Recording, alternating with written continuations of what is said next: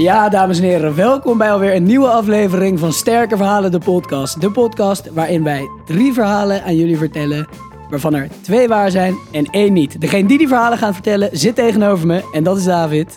David, hoe is het? Ja, heel goed, heel goed. We hebben een, een categorie vandaag, Sebas, waar jij, eh, denk ik, afgelopen week iets van hebt opgestoken. Ah, dus ik heb er heel veel zin in. Laten we hem aftrappen. En dat gaan we zien in aflevering 10 van Sterke Verhalen. De podcast. Ja, maar niet weer zo'n stoer jongensverhaal. And I want you all to know that we are fighting the fake news. It's fake. Phony. En liegen kan niet. Eh, en dat is een zonde. Hij heeft eh, gejokt. En dat mag niet. Je mag niet liegen. Ja, ja, aflevering 10, Daaf. Dat is niet zomaar een aflevering, hè? Nee, dat is, eh, ja, dat is aflevering 10. Is het een special? aflevering 10 is, wel een soort van special. Een soort Ja. special, maar Ja. dan met z'n tweeën. Geluidsman Titus met een feesttoet op. Speciale editie. Het wordt, een, eh, het wordt een dijk van een aflevering, denk ik. Daarom. Maar misschien moeten we even beginnen met eh, de weddenschap. Ja, de weddenschap van, van vorige week. Eh Jan, Jan natuurlijk, om te beginnen is wel mooi om even terug te grijpen op het onderschepte feitje.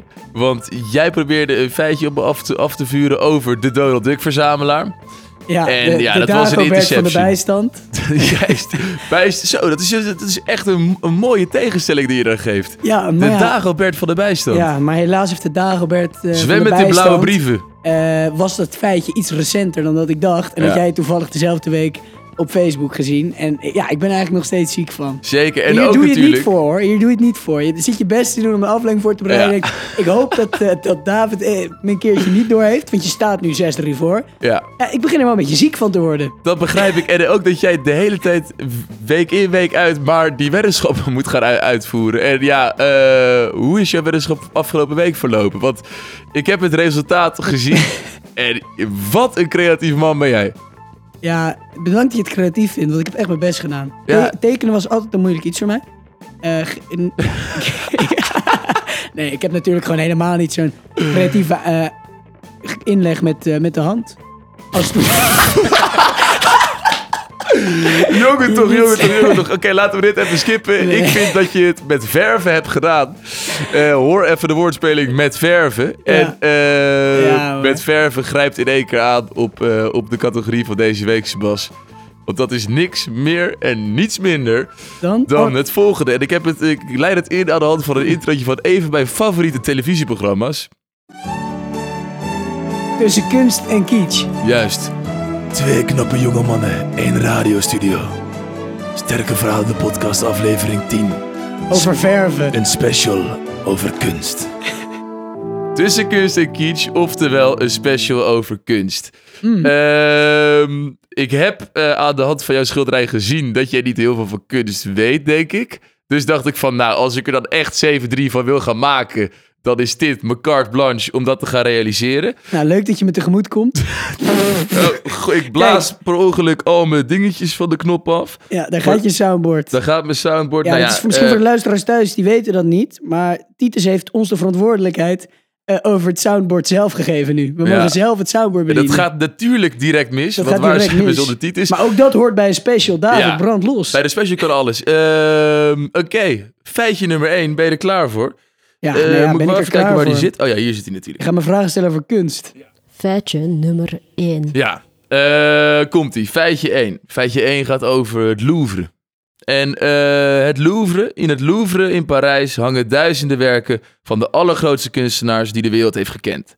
Deze collectie gaat van beeldende kunst naar moderne kunst, maar het kopstuk van de talloze werken die in het Louvre hangen is een vrij klein doek. Ja. En die wil ik graag gaan introduceren aan de hand van het volgende. Mona Lisa, Mona Lisa, men have named you. Prachtig, hè? Prachtig, Gaat het hè? over de nachtwacht? Zo'n warme stem over een vrouw. Het is bijna kerst. Het is een special. De Mona Lisa, die hoort er natuurlijk in thuis. Hey, en eh, de Mona Lisa is natuurlijk het kunstwerk van Leonardo da Vinci, waarbij menig mens niet kan duiden welke emotie ze nou moet uitstralen. Is ze aan het lachen? Kijkt ze Mhm. sipjes? Dat is de vraag. En er is toch ook altijd de vraag eh, dat als je daar staat in het Louvre, Mhm. dat, ze je altijd, dat altijd lijkt alsof ze je aankijkt. Ja, nou, ze, ze kijkt jou niet aan, want je hebt een hele horde Chinezen voor je. Maar de voorste Chinees in de rij heeft misschien wel oogcontact met haar, ja. En, en dan is het toch ook nog de vraag of het, of het daadwerkelijk een vrouw is of dat het een man is. Ja, en eh, dat is. Ik, ik, ik was hier natuurlijk vandaag een beetje naar, naar aan het zoeken. En het is ook zo dat. eh, het zou ook nageschilderd. Leonardo da Vinci zou ook zijn eigen moeder hebben nageschilderd. Dus er was ook een soort van intiltgedachte rondom de Mona Lisa. Maar eh, het is natuurlijk een klein, klein stapje van intilt naar diefstal. Want, eh Sebas, wist jij dat de Mona Lisa ooit gestolen is uit het Louvre? Eh, aan het begin van de vorige eeuw hing het pièce de résistance, zoals de Fransen dat zo mooi kunnen zeggen, het kopstuk van het Louvre, namelijk opeens niet meer op zijn plek. Er kwam natuurlijk een enorm politieonderzoek en weet je wie een van de hoofd, hoofdverdachten was voor, van het stelen van de Mona Lisa? Pablo Picasso. Een van de grootste schilders die we de afgelopen eeuw hebben gehad in Europa. En eh, de toen nog jonge en onbekende Spaanse schilder die in Parijs woonde. Sterker nog, Picasso is zelfs officieel voor de rechter gesleept, maar vrijgesproken omdat er toch te weinig bewijs was. Gelukkig maar, want de Mona Lisa werd teruggevonden en Picasso zou later zijn eigen doeken hebben hangen aan de muren van het Louvre.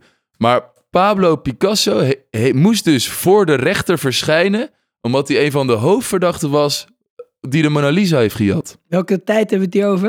We hebben het hier over ongeveer eh, begin, begin eh 20e eeuw. Dus eh, negen- 1917 volgens mij. Victoriaanse tijdperk. ja, het einde van het Victoriaanse tijdperk. Precies. Ja, Ja, ehm, ik vind het wel echt een mooi verhaal. De ene schilder die van de ander steelt. ja, zeker. zeker. En, en, en, en Pi- Picasso, dat was een soort studenticoze grap van hem, denk ik toen. Studentengrap, schilderij van je collega. Ja, maar hij heeft het dus niet gedaan. Maar hij moest er wel daadwerkelijk voor, voor de hoogste rechter in Frankrijk verschijnen.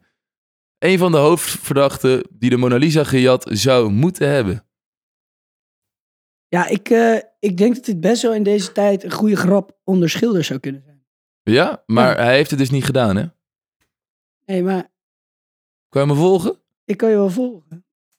Hij heeft hem niet Maar gejat, begrijp- maar hij... Ik, nee, maar hij ik begrijp wel dat het een grap zou kunnen zijn, ten eerste. Mhm. En waar het jouw feitje om gaat, is dat hij voor de rechter verschijnt, toch? Of dat waar is of niet. Ja, of dat de Mona Lisa misschien wel helemaal nooit is gestolen. Sebastian maar dan kom je toch weer op, terug op die studentengrap. Zou dus best wel kunnen. Daarom. Ik denk dat we even door moeten naar je volgende feitje. Food for thought. Food for thought. Ook dat brengt een special de- met zich mee. Kwam die voor de rechter? En of is die überhaupt gestolen? Ik ben Daarom. benieuwd. Ik wil de rest graag horen. Nou ja, Want een, zou best wel kunnen. een special... Maar ik denk dat ik het dan wel geweten had. Ik vind het moeilijk hoor, deze. Een special breng je natuurlijk aan de hand van de chronologische volgorde. En je hebt eh, de Mona Lisa en Picasso en Adam genoemd. Dat zijn de oude meesters. En dan ga je daarna natuurlijk door naar eh, de wat modernere kunst. Feitje nummer 2. En eh, iedereen kent ze wel, de kunstwerken van Andy Warhol. Deze kunstenaar was een van de grootste en meest vernieuwende kunstenaars van de vorige eeuw. Denk bijvoorbeeld aan de doeken met, de blikken Campbell's tomatensoep, Ja. heel bekend, of aan de pop-art schilderijen van onder andere Marilyn Monroe.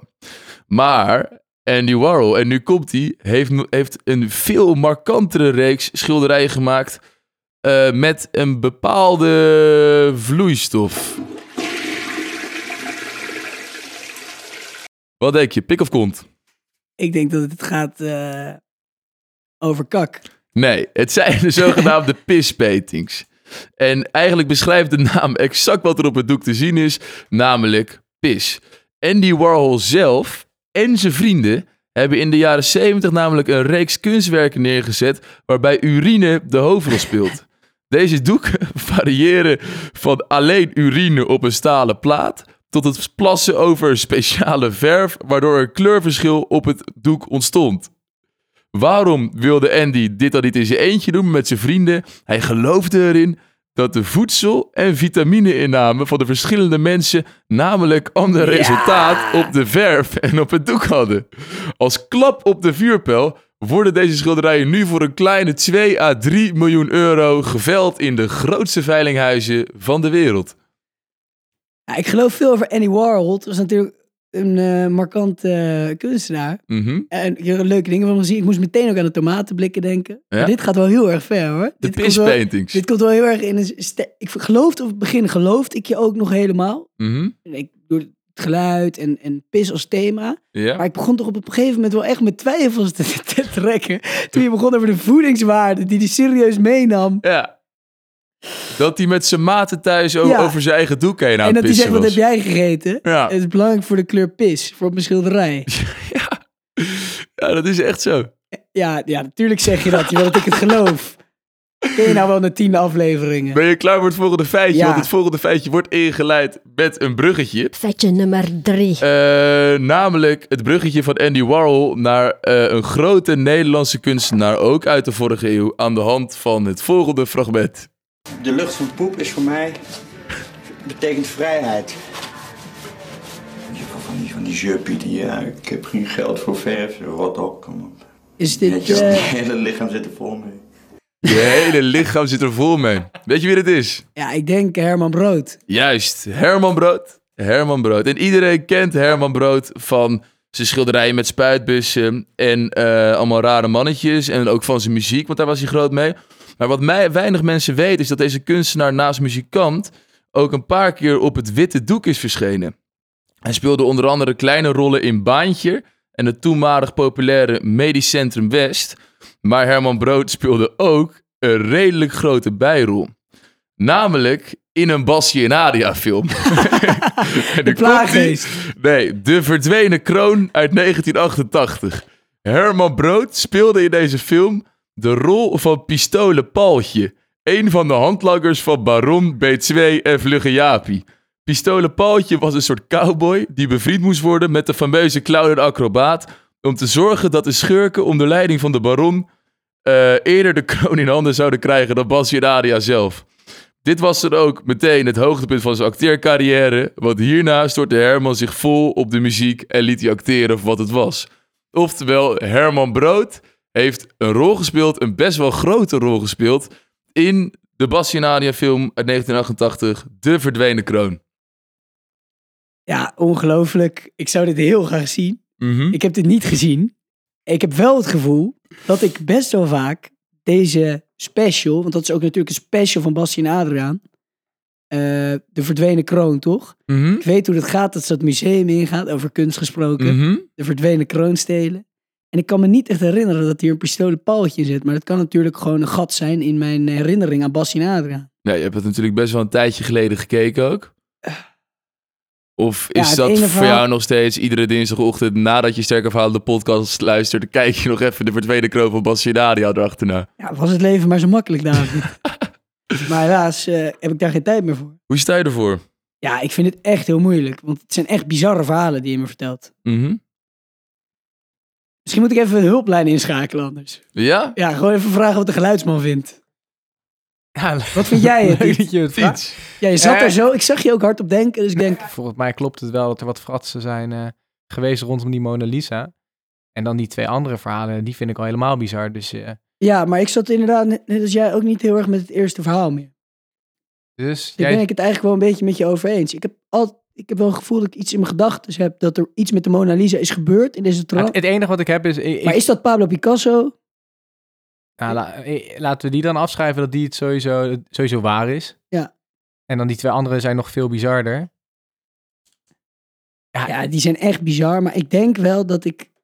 Waar kom je... je Moet ik niet... Ja, ik, ik, ja, ik zou op beide niet echt komen. Een schilderij met pis maken of erop komen dat Ja, Herman Brood en zijn- Bassie en Adriaan heeft... Dat staat nog wel verder van kunst af. ik vind eh, eh, dit met Plas, dit hele urineproject, vind ik eigenlijk best wel bij Andy Warhol passen. Ah, dat heb ik eigenlijk ook wel. Van pop art tot pissen over... Ja, ik denk, Maar het eerder enige dat, is- ik heb, denk eerder het enige waar ik echt mee zit, is dat ik niet denk dat Herman Brood zin heeft om op een paard te zitten, verkleed als een cowboy. Er stond helemaal niks over een paard in. Pistolen cowboy.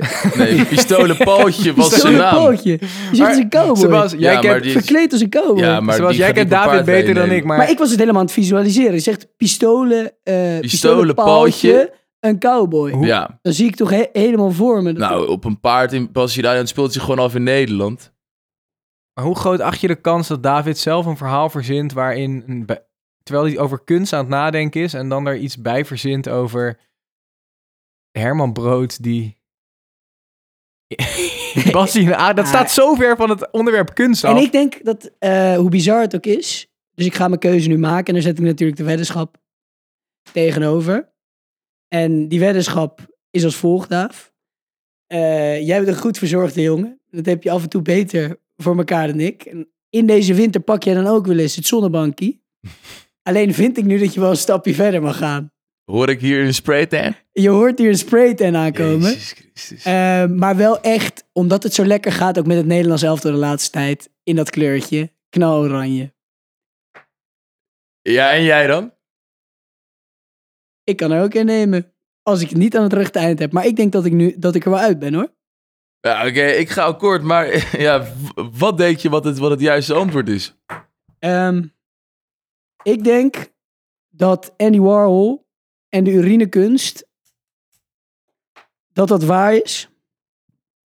Ehm, ik denk dat Herman Brood ook waar is. Ik denk alleen niet dat het hele overleg en met de voedingswaarde van het urinedeel waar is. Dus dan denk ik dat Herman Brood wel die gastrol heeft gespeeld. Op een bepaald moment in zijn leven zat. Maar dat Andy Warhol, dat jij dingen aan dat verhaal hebt verzonnen. Dat er delen waar van zijn, maar dat het niet helemaal waar is. Oké, ehm, dan is het het moment van de waarheid weer. Het vagevuur. Eh ja, oké, heel dik. Om te beginnen eh, een dingetje over eh, het Louvre. Dat verhaal is hartstikke waar. Dat verhaal is echt hartstikke waar. Ehm, dit, eh, het Louvre, daar is inderdaad de, de Mona Lisa ooit uitgestolen. En daarvan werd Pablo Picasso als een van de hoofdverdachten gezien. Ja, Dus best wel een bekend verhaal. Dus dat was ook het minst gekke verhaal. oké. Maar nu komt het moment en ik wil graag eh, het moment van Andy Warhol ehm, aanduiden met dat Andy Warhol nu nog steeds hedendaagse volgers heeft van het schilderen of het kunst maken met je eigen urine of pis.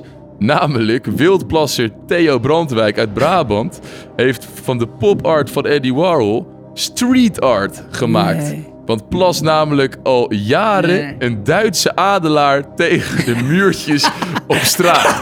En hier komt hij. Op zich vind ik die wel geslaagd. Er Zit wel, hij heeft wel een expressie. Je kan zo tegen een muurtje aanzeiken, maar je kan er natuurlijk ook proberen iets moois van te maken.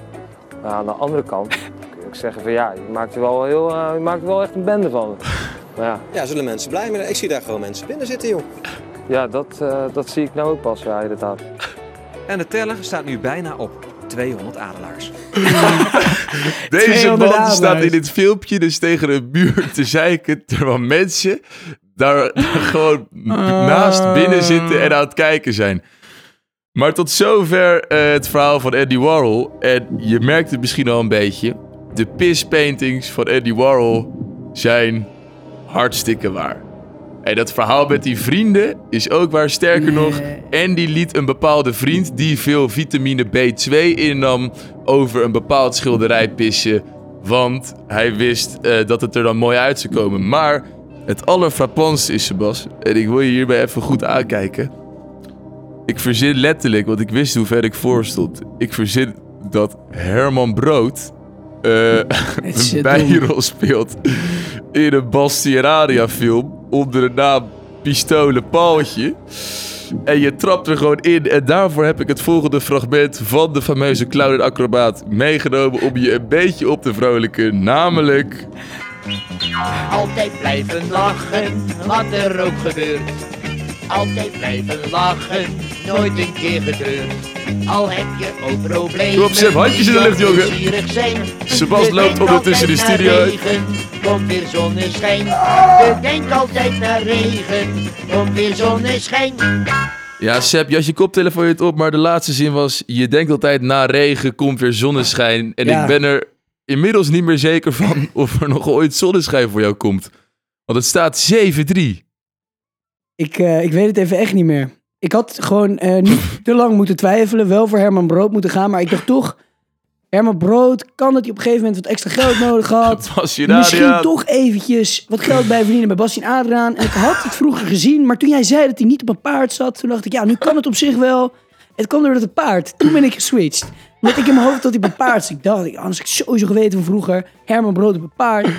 En dan krijg je dit. Dat Andy Warhol overal tegenaan pist. En dat een Brabantse gek nadoet door adelaars overal tegenaan te pissen. Duitse adelaars ook, hè? Duitse adelaars door een Brabantse man. Prachtig. Ehm, ik, ik, ik sta 7 achter. Ja. Ik moet maar even van eh, betere huizen gaan komen de komende afleveringen. En je moet een spraytan nemen, jongen. Wat ik zelf heb verzonnen. Ik vind het niet leuk meer, jongens. Ik was hier zo bang voor, jongen. Want, want toen, toen, toen, je, toen, je, toen je die weddenschap inleidde, toen zat je nog meer op de, op de Herman Brood is niet waar tour. Dus dacht ik, goh, moet ik zo meteen moet ik met zo'n oranje Dorito gezicht een week lang over straat gaan lopen? Ah. Maar dat viel hartstikke mee. ja, nou ja, ik, ik- ja. Ik zal ik hem voor je afkondigen, Seb? Ja, doe maar. Dit was de surprise aflevering van Sterke Verhaal de podcast, aflevering 10. Eh, we hebben de dubbele cijfers hebben we in elk geval gehaald. Volg ons nog steeds natuurlijk op Instagram, Twitter en Facebook. Eh, en vergeet niet te luisteren op Spotify, Apple Podcast en het favoriete netwerk van geluidsman Titus, Stitcher. Jongens, ik ben het zo zat met Sterke Verhalen, de podcast. Sebas, Daar heb ik geen woorden voor. droog je tranen op. Eh, de kerst staat voor de deur. Klim lekker tegen de haard aan. Nou, voor mij ziet mijn gezicht zo meteen niet als kerst met Koningsdag. Fijne dagen, jongens. Tot volgende week. Doedeledook. Kutzooi.